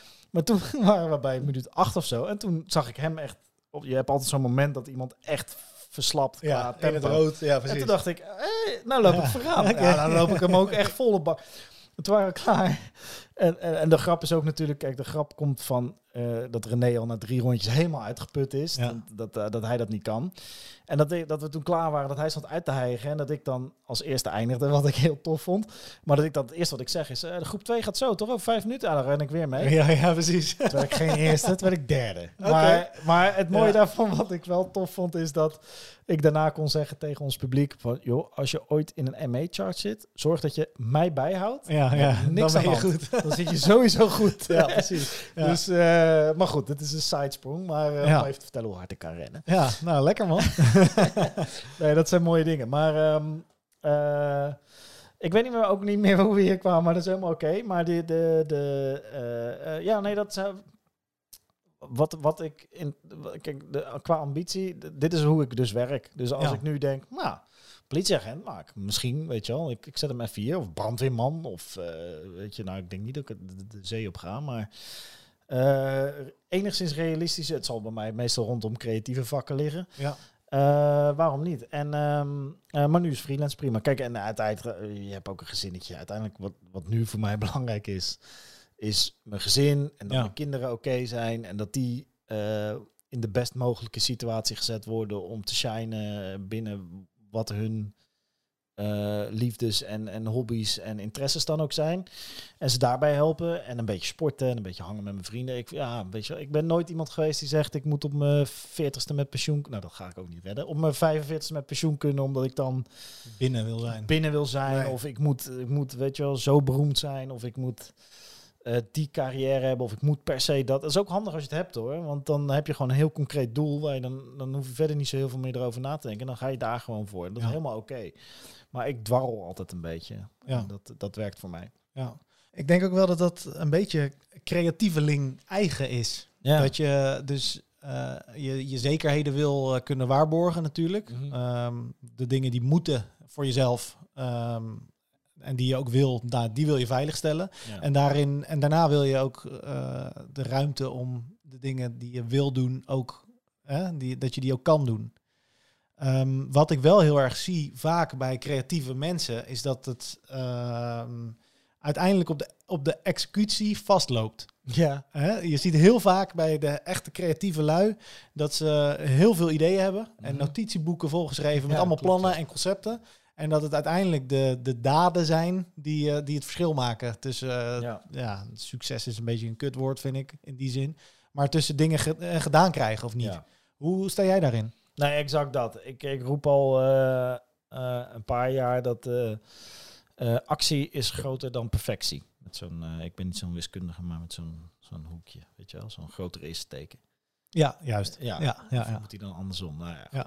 actie is groter dan perfectie. Dus ehm, nou, dat is ook vaak het advies wat ik nu geef. Van, eh, eh, meestal hebben bedrijven of afdelingen of, of, of organisaties echt wel creatieve ideeën. Maar durven ze het een soort niet van, eh, een soort van niet te gaan doen en uit te voeren. Terwijl wat veel beter werkt is als je een idee hebt, je moet wel een beetje over nadenken. Neem, neem bijvoorbeeld zo'n politiepodcast. Je moet wel echt even over, goed over nadenken. Past het bij de bla bla. Je loopt dat hele lijstje af. Maar als je op een gegeven moment een goed idee hebt, waarvan je denkt, nou, dit heeft potentie, dan moet je het gaan doen. Ja. En perfectie, dat komt wel als we het doen. Dan zien we vanzelf al waar we tegenaan lopen, wat anders moet, hoe ik het anders moet doen. Hoe we... en, en misschien kom je er ook wel achter dat het helemaal geen goed idee was. Nou, dan stop je er weer mee. Ja. Ehm, maar het begint met doen. En volgens mij zei jij ook, voordat we begonnen, eh, eh, haalde je die quote aan van... wat- To begin, begin. Ja, Ja. ik weet niet eens meer van wie die is. Van Mr. Hemsworth. William, Oh, William ja, ja. Hemsworth. Ja, oh, ja, Ja. van die dichter. Van die Ik dichter, weet ook weer hoe we erop zijn gekomen. Ja, maar anyway. Ja. ja, eh, als je wil, als je iets wil, eh, als je wil beginnen, moet je gewoon beginnen. Als je iets wil voor elkaar wil krijgen, moet je het doen. ja. En ehm, eh, ik heb toevallig laatst een, een van mijn afleveringen ging over Ralph Waldo Emerson. Dat is een van mijn boekshow. Dat is een 19e eeuwse essayist. Op hem ben ik afgestudeerd ooit. Eh, dat was nog in de tijd dat iedereen een generalist was. Dus dan, Ja. dan eh, ja, de wetenschap was nog niet dusdanig ver gevorderd. Het paste allemaal nog in de hoofd van ongeveer één man. Zeg maar. ja. En hij eh, was dus essayist, dichter, predikant, bla bla. Ehm, en hij heeft een essay, dat heet Nature. En de grap is dat je daar dat principe dus ook al in terugziet. Van geen woorden, maar daden eigenlijk. Eigenlijk had hij een soort, heel, ik weet niet meer wat de exacte quote. Maar hij had een soort hele mooie 19e eeuwse Amerikaanse quote. Heel inspirerend. Maar als je hem deduceert, dan is het gewoon geen woorden, maar daden. ja. En Ja. dat is eh, eh, alles eigenlijk. Dus eh, wil je iets gedaan krijgen, dan moet je het doen. ja. Je, als je, er zijn ook mensen die zeggen, ik, ik wil een boek schrijven. Ja, dat is mooi. Maar hoeveel schrijf je op een dag? Of in een week? Ja. Weet je wel? Ja, niks. Want ik ben nog, ik heb nog niet helemaal... Maar begin gewoon. ja. Schrijf Ja. gewoon ehm 400 kantjes met, met kutzooi. Kutzooi. Ja, nee, Ja. zeker. Ja. Totdat je eh, ontdekt waar je het over wil hebben, Ja. desnoods. Weet je wel, ga niet zitten mijmeren en dat het in je hoofd perfect is, want het wordt nooit perfect. Nee. nee, en ook als je dat nastreeft, dan leg je een bepaalde druk op jezelf die je ook niet weg kan nemen, omdat er niks tegenover staat. nee, het wordt veel te groot dan. Ja. Ja. Maar jij bent ook deze podcast begonnen om, denk ik, omdat je gewoon een podcast wilde. Ja, nee, volledig. Ja. Volledig. En ook gaandeweg leer ik ook over mezelf en ben ik aan het nadenken. En dan, eh, dan ga je kijken van, oké, waar moet het dan naartoe? Ja. En, eh, maar dat is, oh, dat is ook een beetje waarom ik de vraag stel. Is omdat het ook iets is waar ik zelf veel mee bezig ben, weet je wel? Van ja, hoe ver ga je denken? En op welk punt ga je doen? Ja. En eh, ik, ja, ik, vind dat, ik merk ook altijd dat het doen ook voor jezelf gewoon het, het verschil maakt. Ja. Nou ja, zeker. En, en, eh, en het hangt inderdaad af van... Kijk, deze podcast kun je gewoon gaan doen. En als het dan niet werkt, of je denkt op een gegeven moment... nou ben ik klaar mee, dan stop je er weer mee. Want Ja. het enige wat het kost is jouw geld en jouw tijd. Ja. Een beetje van mijn tijd. Maar dat is niet... Ja. Maar bij de politie is het weer een ander verhaal. Daar moet je even Nee, iets absoluut. langer nadenken. Dan moet je, nou, wat je zei, even die plannen op papier schrijven, een outline. En dan moet je iets meer vooruit Ja, denken. en moet je ook meer mensen met de neus in dezelfde richting moet je krijgen. managen en overtuigen. En eh, dan kost het wat meer. Maar uiteindelijk moet je ook dan zeggen... Oké, we hebben nu een, een, een vrij... eh, eh, enigszins eh, duidelijk overzicht wat we willen. Maar nu moeten we het ook gaan doen. Ja. En ook daar kun je nog zeggen van... Nou, als het dan eh als een keer eentje opnemen... en het blijkt toch helemaal niet tof te zijn... of het gaat helemaal fout... of weet ik veel wat kan gebeuren... dan doen we hem niet. Nou, dan hebben we één keer geïnvesteerd in iets wat niet werkte. Ja. Misschien twee keer. Ehm, maar ja, als je het niet doet, weet je niet of het werkt. Dus je Nee, moet het ja, uiteindelijk precies. gewoon gaan doen. En volgens mij was het een hartstikke leuke eerste aflevering. Ja, nou ja, absoluut man. en en nou, wat ik zeg, hij zit echt op een bron aan Ja, nou ja verhalen, zeker weten. Ja. bizarre karakters. En, eh, Ja. Ja, en ook in, weet je wel, want je kan natuurlijk, want ik, ik kies in deze podcast elke keer voor echt wel voor dezelfde vorm, zeg maar. Het is, het, is een, het is een soort van interview mhm. met een, eh, met een grote mate van ook van eigen inbreng. Ja, Waarin ik ook de ruimte neem om, zo, om gewoon het woord te pakken. Dat het ja. niet alleen Jij een vragenvuur Jij bent het anker van de show. Dus Ja. uiteindelijk En, en dat, denk- jou ook tof vinden. ja, nee, en ik denk ook dat dat een hele gezonde balans Mhm. kan zijn voor zo'n podcast. Moet nog blijken. Ehm, maar voor de politie is dat natuurlijk is het nog veel breder. Ja. Je kan ook kiezen voor andere vormen dan zo'n Ja. gesprek. Ja. En je kan ook kijken van oké, willen we nu een, een, eh, een stukje sentiment, weet je wel? Willen we nu op het, op het gevoel gaan zitten? Eh, bijvoorbeeld een reanimatieverhaal van een slachtoffer die gereanimeerd is en het heeft overleefd en een politieagent samen daarin aan Mhm. tafel om daarover te praten. Of wil je juist heel erg op voorlichting gaan zitten, weet je wel? Over woninginbraken, hoe kan je je huis preventief eh, eh, verbeteren, nou dat soort dingen. Ehm, of gewoon de verhalen vanuit de praktijk vertellen, Ja, weet je wel? ja. Dus er zijn zoveel verschillende En elementen die, die, je daarin die kun je weer, weer... Je kan een verhaal vertellen door gewoon iemand uit te nodigen en zeggen... eh, wat is je verhaal? Ja, wat is er gebeurd dan? Ja, Ja. maar je kan natuurlijk ook zeggen... Oké, we hebben in eh, 1995 was er een hele bijzondere zaak... met een hele bijzondere impact. En ik ga iedereen eerst interviewen die daarmee te maken had. En dan add ik dat terug naar vijf afleveringen... eh, waarin ik naar een climax toe werk. Of naar een aantal onthullingen halverwege. Dat is wel echt heel veel werk. Ja, ja, ja. maar, ja. ja. maar er zijn inderdaad eh, meerdere gradaties van, eh, van podcastvormen. Dus, Ja. eh, maar ik vind het wel tof dat de politie in ieder geval tot nu toe zegt... neem hierin de ruimte die je denkt nodig te hebben... om in ieder geval de eerste stappen te zetten. Ja. Maar ja, dat is echt heel leuk dat ik die ruimte krijg daarvoor. Ja. ja. En ook wel heel apart dat ik ook. en, in die zin zijn onze situaties wel ergens een beetje eh, vergelijkbaar met elkaar. Er is Want- wel meer aan ons vergelijkbaar, Ja. heb ik begrepen. Ja, precies. Er zijn ook mensen die nu luisteren en die denken dat één gast de hele tijd een gesprek met zichzelf Ja, heeft. precies. Ja, Of zien. Maar ja inderdaad. Als dat er een soort spiegel staat. Ja, ja, ja, ja. Slim ga je dit ook. Ja, ja, ja. Misschien moet ik maar gewoon altijd mijn podcast zo doen ook. dat is wel makkelijk. Ja, toch? kan gewoon. Ja, precies. Ehm, maar wat wel ook vergelijkbaar is, is dat ik nu op een punt ben dat ik ook met mijn bek eh, op de camera ga. Ja. Als de politieagent van, weet je wel.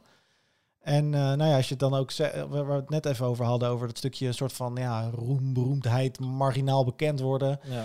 Dan, het is ook, ja, nou, dat is ook wel iets waar ik dan over nadenk. Weet je wel? Want aan de ene kant eh, treed ik al een tijd naar buiten, ook Ja. met mijn eigen YouTube-kanaal als fotograaf. En eh, maak je een podcast eh, genaamd De Wereld van Niels. Van een Ja. fucking ego-strelende, narcistische teringzooi. Helemaal prima. En, en dan als politieagent ga je dat ook, pak je die rol dan ook nog eens. Ja.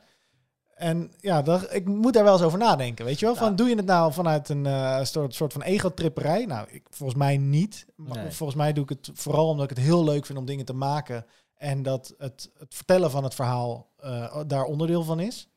Ja, het is ook wel een beetje Nederlands om dan eh, dat je daar een soort verplicht bescheiden over moet zijn. Weet je wel? Eh so what als daar een stukje in zit die je tof vindt om gewoon een podium te hebben.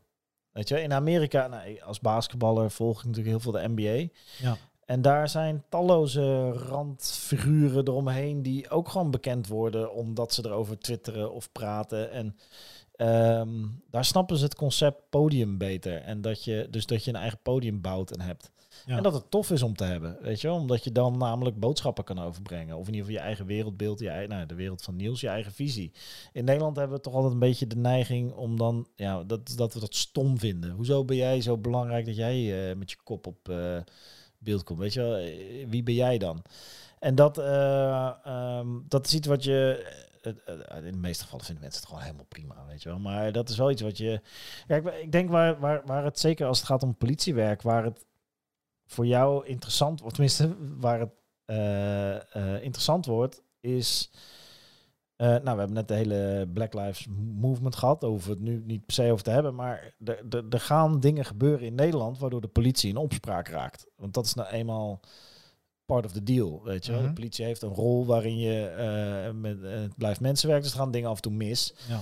Ehm, wat heel erg is en waar verantwoordelijkheid voor genomen moet worden. Maar als jij het gezicht bent. En een deel daarvan van het gezicht is dat je politieagent bent en voor de politie spreekt, of in ieder geval vanuit de politie spreekt, dan zul je daar ook op aangesproken worden. En ehm, eh, ook als dat even niet tof is, weet je wel. En dat, dat is wel iets waar je ja, rekening mee houdt. Kijk, het, allemaal, klinkt allemaal heel zwaarmoedig, maar dat zijn wel, dat, dan, dan ehm, als je nu die transparantie hebt en, en die verhalen vertelt, ja, dan, dan kun je moeilijk dan ineens je bek dicht houden. Ja. Kan wel hoor, het is helemaal heel makkelijk. Je moet gewoon even je social media uitzetten en je telefoon wegleggen. En dan na twee weken is iedereen weer ergens anders op. ja Maar dat, waar we het net over hadden Ja. met, met, met, ehm, eh, voor het, ge- het geld pakken en daardoor een filmpje maken voor Dumpert, eh, waarvan iedereen ziet, oh ja, dit doe je echt voor het geld. Het slaat helemaal nergens op.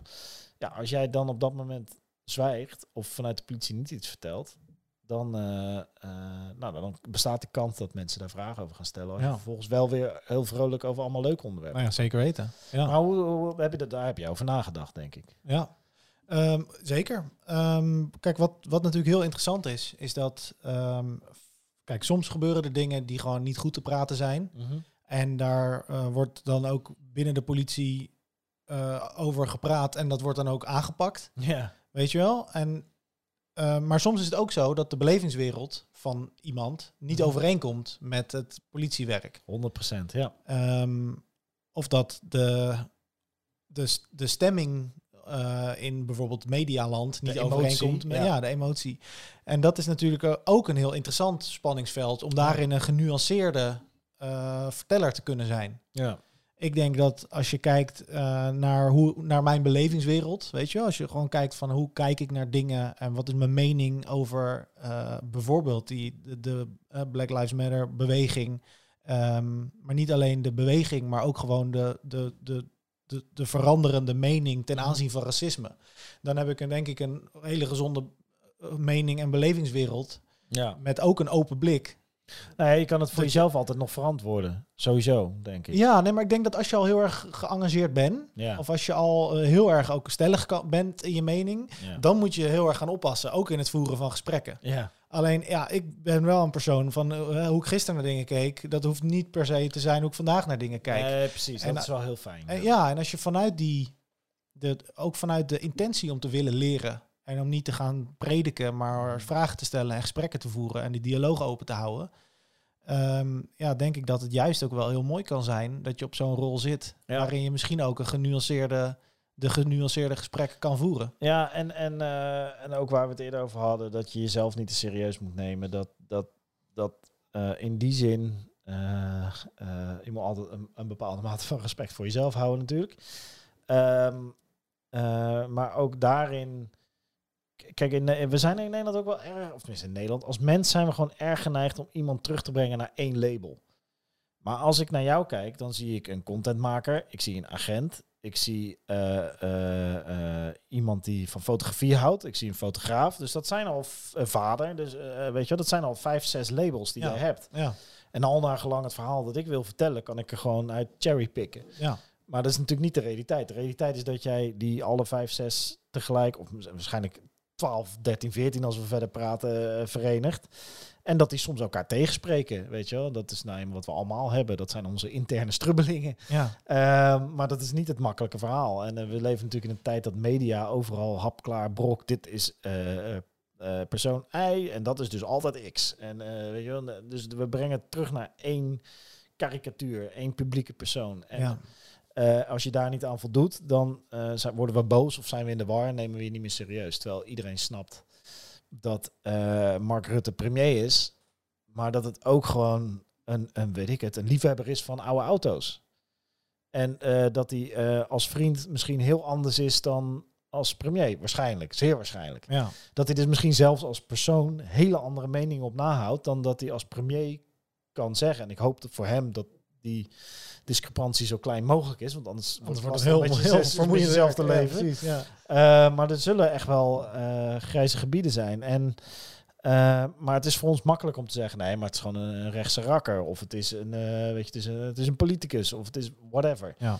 Eh, maar dat geldt voor jou ook. Dus ja, zolang jij zelf in staat bent om die nuance bij anderen te zien. En eh, volgens mij ben je dat. En dus open te zijn. En ook jezelf niet te serieus nemen als ik ben de agent en ik moet dus altijd dit verkondigen. Ja, dan, dan kun je best een eind komen. En ik denk wat je zegt, dat luisteren sowieso. Ik heb niet veel geluisterd nu de afgelopen vijf minuten. Maar dat, luisteren, dat luisteren sowieso een hele belangrijke eh, eigenschap is. Maar dan kom je ook weer terug in wat maakt een goede agent. Is denk ik onder andere dat je goed kan luisteren, goed kan observeren. En eh, redelijk goed mensen in kan schatten. En ja, en als mensen dan nog steeds zeggen, je bent een klootzak en eh, vinden je mening niet tof. Ja. Of dat nou intern is vanuit de, eh, vanuit de politie of extern vanuit het publiek, ja, dan, dan is dat maar zo. Ja. Iedereen heeft recht op zijn eigen foute mening. Uh, nou ja, dat, dat denk ik niet. Maar nee, maar uh, inderdaad. En uh, ik denk ook dat het medium podcast natuurlijk wel een hele mooie ja. en, en, intelligente vorm van, van content is. Ja, toch? Weet je wel? Want ja, je kan al hele stoere sensatievideo's maken de hele dag over de politie. Alleen, en daar zal je ook zeker een publiek mee kunnen Tuurlijk. dienen, maar niet elk publiek. En ook niet elk thema leent zich dat soort, weet je wel, er zitten wel meer lagen, ook in het werk en ook Ja. in de verhalen die hier te vertellen zijn. En dat is heel cool. Nou, waarschijnlijk hebben wij allebei onszelf in deze podcast tegengesproken. En dat is een beetje eh, hoe het werkt als mens. toch? Ja. Ja, nou, noem ons dan maar hypocriet. Ja, en dom. Fucking dom. Ja. ja.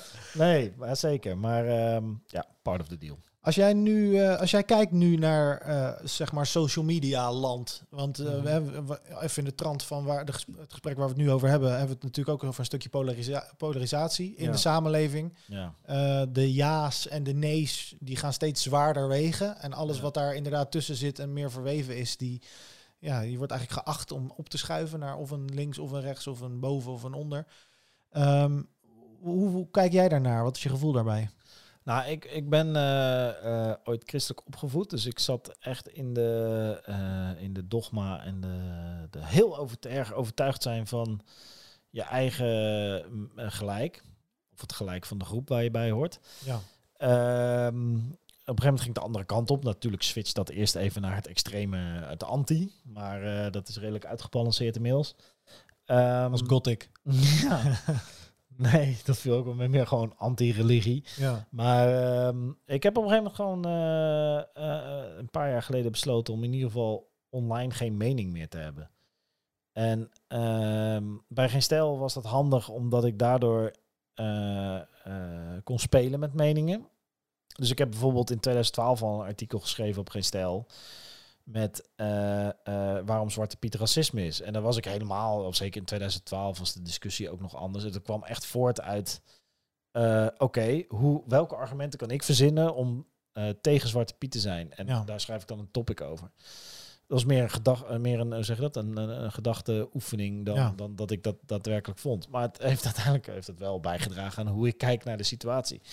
Ehm, dus, dus meningen zijn voor mij op een gegeven moment gewoon meer een soort tool geworden. En een tool, niet een doel, maar een, een tool, een Ja, ja, ja, middel. ja. En eh, nu de laatste jaar, ik ben een beetje, ja, ik ben nog, weet je wel, eh, als er iets gebeurt, als, als, als X gebeurt, dan eh, roept de ene groep, ja, zie je wel. En de andere groep zegt dat het goed is, de andere groep zegt dat het slecht is. Als, ehm, wat, ja, weet je wel, als Johan Derksen iets stom zegt, dan wordt iedereen eh, aan de ene kant super boos op Johan Derksen, de andere kant gaat hem fel verdedigen. Wat je ook altijd ziet, is dat dan de ene, dat dan die groep die zo tegen is, die zegt, ja, maar als Aquasi zo'n soort iets had gezegd, dan waren jullie boos geweest. Ja, dat klopt. Dat is hoe polarisatie werkt. Ja, precies. Ja, ja, En, ja, ja. eh, een niemand- kant schreeuwen. Ja, niemand heeft zin om eh, publiekelijk dan te zeggen... nou, ik vond het toch wel interessant, ik ben eens gaan luisteren. Ja, da- daar leent het, de, de, de, de, de platformen lenen zich daar ook niet voor. En ik denk dat we daar wel... Ja, eh, ik zat... Ik zat eh, je ziet ook, een, ik wou ook bijna namen noemen, dat is niet helemaal de podium hiervoor. Maar eh, je ziet allerlei, eh, toch ook eh, redelijk grote namen, zie je eh, allerlei complottheorieën verkondigen op... eh, ja, dat is waar we dan heen gaan, weet je wel. Ja. Ehm, ik heb, eh, je hebt het boek Amusing Ourselves to Death. Dat is een boek uit de jaren tachtig van Neil Postman. En dat gaat over hoe tv onze hele manier van denken en, en, en, en, en informatie en communicatie eh, verandert. Dus dat betekent eh, eh, alles wordt performance. Dus door de dit is de jaren tachtig. Ze hebben nog niet eens over het internet Ja. wat het volgens mij alleen maar in een stro- nog meer in de stroomversnelling heeft gebracht. Maar je ziet dat ehm, eh, eh, dat eh, ehm, eh, eh, science, wetenschap wordt performance, wordt, politiek wordt performance. Je, Het gaat, je kan een hele goede politicus zijn. maar Als je een lelijke kop hebt en je komt niet uit je woorden, Ja. dan maakt het niet uit hoe goed jij bent Nee. in mensen over. Weet je, wel, dat, dat werkt dan niet meer. Dan ben je gewoon af. Behalve Alexander Pechtold. Nee. ja, die is ook af. Dat had iets te maken met een penthouse, heb ik begrepen. Maar eh, nee, geen idee. Ehm, eh, en wat, wat, wat er daardoor gebeurt, is dat we, we zijn ook niet meer in staat... Podcast vind ik fijn, omdat je weer eh, eh, mensen de ruimte kan geven om verbanden te leggen... die meer tijd nodig hebben dan even een snel filmpje... of even snel een artikel of even een tweet. Ja. Eh, dus wat er nu gebeurt is dat je in, door al die meningen en door al, al die, dat, alles totaal gefragmenteerd is, is dat het voor complottheoristen heel makkelijk wordt om te zeggen, nou, ik neem eh, gebeurtenis A, haal ik uit de context, plak ik aan gebeurtenis B en eh, daar doe ik eh, opmerking C en dan doe ik een interviewtje uit de jaren 70, die pak ik ook bij. Ja, Foutje, ja, ja. 5G veroorzaakt corona. Ja. Weet je wel, je kan een soort eh, eh, cherrypicking uit informatie. En omdat er geen, omdat we niet meer gewend zijn om zelf door middel van boeken, door middel van echte debatten, door middel van, nou ja, zoals nu podcast. ehm, doordat we niet gewend zijn om te luisteren naar iemand die expert is en verbanden kan leggen. En die daar de tijd voor genomen heeft. En, en die ook van jou de tijd vraagt om, om, om eh, die verbanden te snappen. Eh, kan iedereen eh, willekeurig, weet je, je hebt toch die tekening dat je van 1 naar 2 moet en dan 3 en als Ja, je dan bij 56 bent, dan is het een konijn. Ja.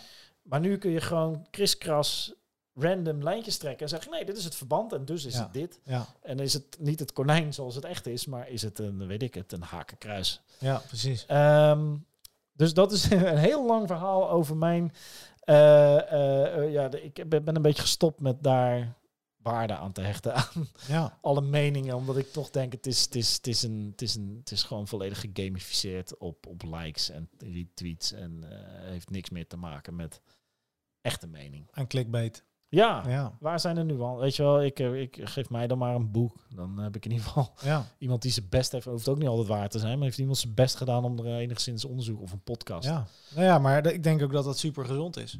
Ja. Ik denk dat er, dat er inderdaad twee dingen heel, heel erg belangrijk zijn. En dat is inderdaad eh, aan de ene kant gewoon goed uitzoeken van oké, maar hoe zijn nou de draadjes dan verbonden? ja. En eh, ten tweede is ook gewoon die open, open blik houden op Ja. kwesties. Door niet te snel te denken van oké, ik ben zo of dit is zo of weet je wel? Nee, Maar- precies. En het, en het is het, het, het klinkt natuurlijk een beetje als intellectuele borstklopperij wat we nu doen. En dat is ook zo. We zijn fucking awesome bezig. Maar eh, de metafoor is natuurlijk eh, fastfood en eh, zelf eh groente telen en eh, snappen waar het vandaan komt en daar dan een gerecht van kunnen maken. Dat kost veel meer moeite, maar het levert wel veel meer op dan even snel een snack checken. weet Snackie je wel. vreten, ja. Ja, en dat geldt ook gewoon voor ehm, dingen als feiten en ja, dat, dat is, je hoeft niet allemaal zelf een boek of gaan schrijven of een podcast Nee, te ja, beginnen, maar je, ja. het zal even.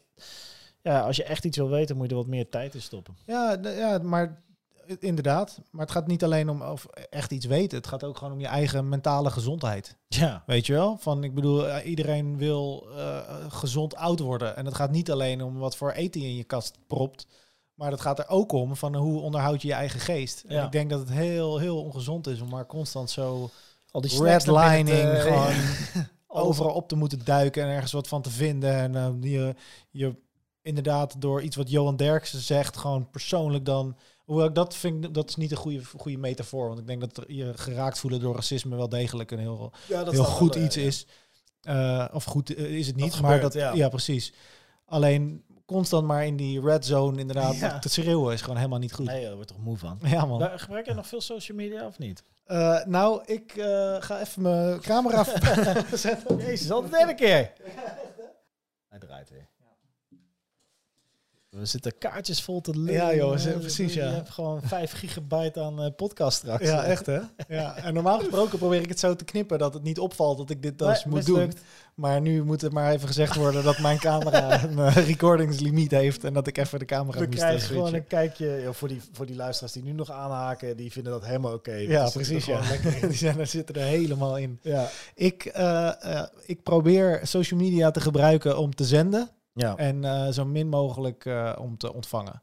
Dus ik probeer meer te produceren dan te consumeren. ja. Omdat ik gewoon, eh, nou ja, dat is ook waar we het natuurlijk over gehad hebben. Ik, ik vind doen heel leuk en het, het maakt me vrolijk. En ik vind het consumeren van dingen vind ik eigenlijk helemaal niet zo fijn. Nee. Ik vind, en dat verschilt dan wel per platform. Ik vind Facebook heel erg vertroebeld Mhm. met, met eh, commerciële dingen, reclames en, eh, en ja, inderdaad clickbait dingen en weet ik het allemaal wat. En ik vind, eh, ik vind Instagram vrij oppervlakkig.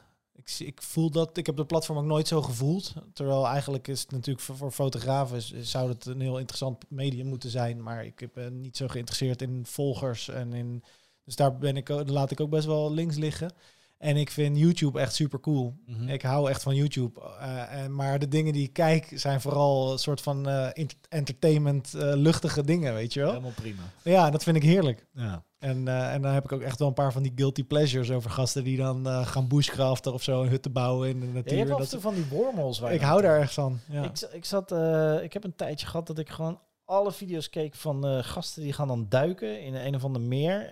of gewoon water in Amerika. En dan gaan ze eh, een soort schat duiken. Ja. Maar dan dat met zo'n metaalzoeker. Ja, en weet je wel, en dan hebben ze 20 zonnebrillen. Ja. Dat is dan de climax van het film. Ja, We fucking 20 zonnebrillen. En ik heb helemaal niks met duiken. Maar Nee. eh, ik zat daar helemaal in. En nu zit ik een beetje in basketbalvideo's. Dus Oh ja, van die 1 ook tegen nice. 1. Ja, je hebt ook die de professor. ja, zulke Ja. video's. En zo, eh, en zo eh, zijn er elke keer van die, die, die, die ontdek je een soort sub-niche cultuur op YouTube. Ja.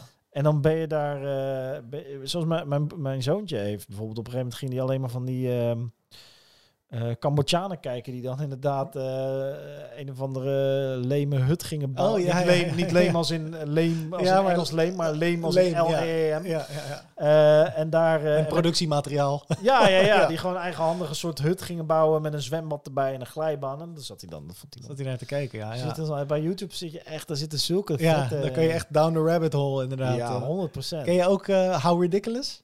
Ja, ja, ja. Die. Australische gasten die dan dingen van een toren van 45 Ja. meter hoog naar beneden gaan gooien. En kijk een auto gebeurt. op een trampoline en zo. Ja, eerlijk. Ja, toch? Dat is toch wel de, de, dat is waarvoor je naar YouTube komt. Ja, precies. Dat soort niche dingen. Dat je denkt, ah ja, dat is geinig. ja. Maar goed. Nee, grappig. Ik had het in de kerk ook altijd. eh, Vroeger, heel lang geleden. Dat ik op een gegeven moment dacht, ja, ik zit hier eigenlijk alleen maar de liedjes te zingen. Nou, ik zong nooit mee. Maar we zitten hier de liedjes te doen van iemand anders die ooit het liedje geschreven heeft. Die helemaal in die vibe zat van dat nummer. En nu doen we met z'n allen elke twee weken dat nummer. Maar wij zitten echt niet allemaal eh, elke keer met honderd man tegelijk in diezelfde vibe van hoe eh, onder de indruk je van God bent. Ehm, ik zit te luisteren naar een gast of vrouw eh, die een preek houdt. En eh, weet je wel, het is elke keer hetzelfde. Op een gegeven moment ben ik vrij jong, ben ik zelf gaan proberen kijken. Oké, kan ik op dat, dat spreken? Ik heb gepreekt. Ik ben gewoon. Oh, serieus? Ja, dat klinkt heel zwaar, maar het was een vrij lichtzinnige kerk. Dus eh, Wat cool, man. en dan, eh, ja, maar dan zat het er al een beetje in, weet je wel. Dat, dat inderdaad wat jij ook zegt, wat je denkt, ja, dat consumeren, Ja. Oké, maar ik wil het zelf doen. Ja, ja, Kijken ja, wat er gebeurt als ik het zelf ga doen. En dat, eh, ik heb de een van de laatste preken die ik heb gehouden was in een of andere jeugdkerk, ik denk voor een mannetje of, nou ja, het zal er drie, vierhonderd zijn geweest. Eh, alleen toen was, was ik al eigenlijk al een jaar niet echt christelijk meer. Maar ik kende het jargon nog en het betaalde 200 euro. Dus, en toen was mijn verhaal was inderdaad iets van... eh, Hebben ze nog vacatures ook, of niet? nou, weet ik niet. Mijn verhaal was toen wel zoiets van... eh, als jij echt oprecht een relatie met God wil... ehm, of, en je gelooft daarin dat dat je ding is...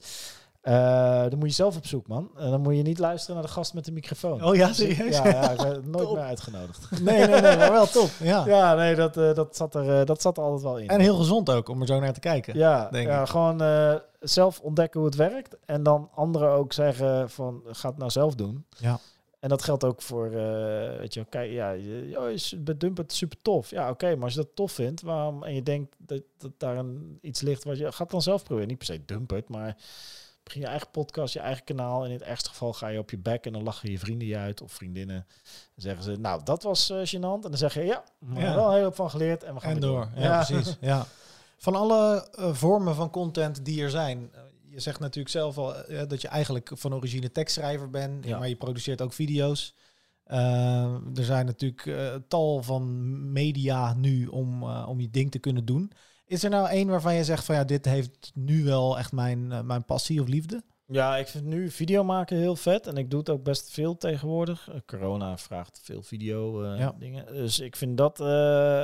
maar ook omdat er gewoon veel uitdagingen in voor, voor me zit, weet je wel, kan ik het echt gewoon super nice maken. En, en het, ik bedoel, het niveau is prima voor, voor wat ik doe. Maar ik wil daarin ontwikkelen, zeg maar. De software beter snappen, camera's beter snappen en, eh en editen, flow in zo'n video brengen beter snappen. Maar ja, tekst is mijn originele liefde. Ik vind de podcast vind ik ook heel vet. Gewoon, eh, ik, vo- ik ben een paar keer vanuit Dumpert bij eh, radio geweest. Slam en Funix. Nou, dat zit een klein beetje in het verlengde. Vond ik ook echt super tof medium om, Ja. ehm, om mensen mee te vermaken. Dus nee, ik heb geen favoriet. alles, alles. eh, ik- er zijn echt, op de dag zelf heb ik favorieten. In de week heb ik misschien een favoriet, maar Ja. over eh, de lange termijn. Ja, maar je, zoekt gewoon eh, middelen om, eh, om verhalen te vertellen. En eh, ja, ik, ik vind daar altijd wel uitdagingen in het feit dat ik eh, ISO nog niet kan onderscheiden van eh shutter speed. Weet je wel?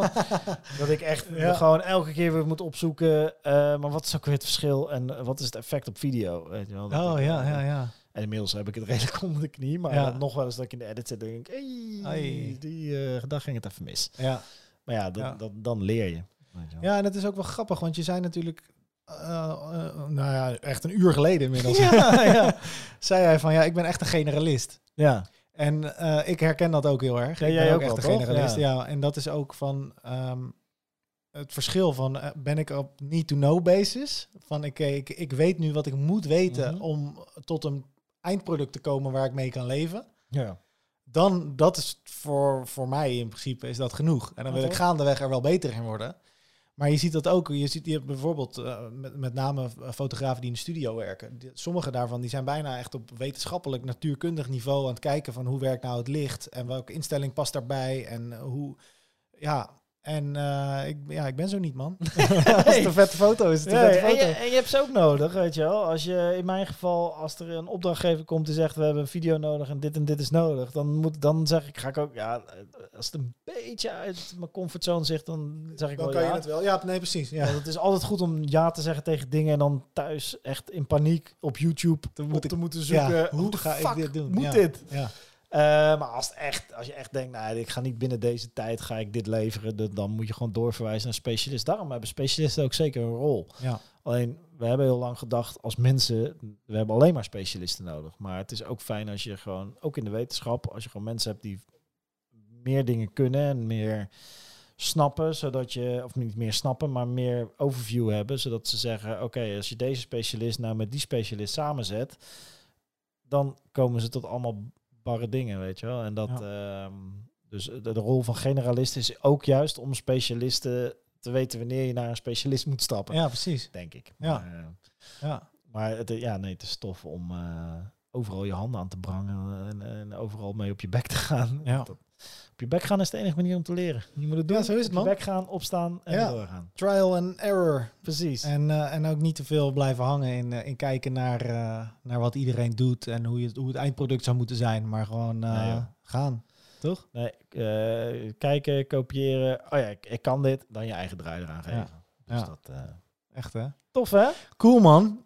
Ik wil jou hartelijk bedanken voor dit mooie anderhalf uurtje wat we hebben gemaakt. Ja. Jij bedankt. Ik vind het hartstikke leuk om eh, vooral over mezelf te praten. Nou ja, weet je, kijk, ik denk dat, eh, ik hoop dat uiteindelijk dat er mensen hiernaar gaan kijken of luisteren die eh, bezig zijn met creativiteit, hoe ja, dan ook. natuurlijk. En eh, ik denk dat, dat dit soort gesprekken daar wel aan kunnen bijdragen. Ja. Weet je wel, er zijn gewoon een hele hoop mensen die, die echt wel zoeken naar, oké, wat is nou mijn plekje? Waar, wat, wat moet ik nou gaan doen? Ik, Mhm. ik wil wel dingen maken, maar ik weet niet zo goed hoe, weet je wel? Of wat, En, ja. of wat. En ook zoeken naar een platform of een, of Ja. een, of een eh, ja, zeg maar iets wat erin zit dat, dat eruit moet. En ik eh, hoop dat eh, jouw kennis en wijsheid eh, daarin eh, een beetje bij kan dragen. Ja, nee, het is altijd fijn als er, nou ja, nu we toch pino's in elkaars reet douwen. eh, het is altijd fijn als er mensen zijn zoals jij die de tijd en ruimte en investeringen doen om, om dat soort boodschappen mogelijk te maken. Dus eh, nee, ik vind het altijd tof om over creativiteit te praten. En ik ben oprecht benieuwd of mensen nu ook denken, die stemmen lijken, ik werd helemaal gek. Stemmen Ja, lijken zo op Ja. elkaar, ik weet niet meer wie nou wat zei. Ik Dus, ben eh, heel erg benieuwd. Ja. dus nee, top. Eh, eh, moet je niet ook nog zeggen, eh, like, share en eh, we hebben het social media ja, afgekraakt. ja, doe je ding. Nee, is tof. Ehm, ja, luister ook naar de politiepodcast, man. Dat is heel vet. En, eh, en als je dit een leuke podcast vond, ik weet niet of ik, dit komt nooit in beeld. Als je dit een leuke podcast vond, eh, laat even een recensie achter en eh, steun Niels. Weet je, ik hoef hem echt geen geld te geven. Hij doet het goed. Ik zit in zijn huis. Hij doet het goed. Maar een beetje zijn content delen. Waar eh, kunnen we jou vinden eigenlijk? Op LinkedIn zit ik veel. Ja, je bent veel, veel aan LinkedIn, hè? Ja, ja. ja. Ik, eh, met, met geen stijl deed ik veel Twitter. Met eh Dumpert ging eh, Instagram automatisch soort super hard. En nu denk ik, oké, nu gaan we de LinkedIn game spelen. En, ehm, en daar is het ook eh, vooral produceren en kijken Ja. wat, wat werkt en niet werkt. En, eh, Dus mensen mogen jou gewoon op LinkedIn... gewoon op een en, naam, eh, gewoon op Matthijs van de Beukel. En dan Ja. kom je een heel eind. Johnny Quint denk ik ook wel. Even connecten. ik krijg ook allemaal haatartikelen. Ja, cool man. Ik hoop je, ik hoop je nog een keer te mogen, mogen spreken. Ja, tuurlijk. Leuk. Nee, wederzijds was super tof. Cool. We spreken elkaar. Yo.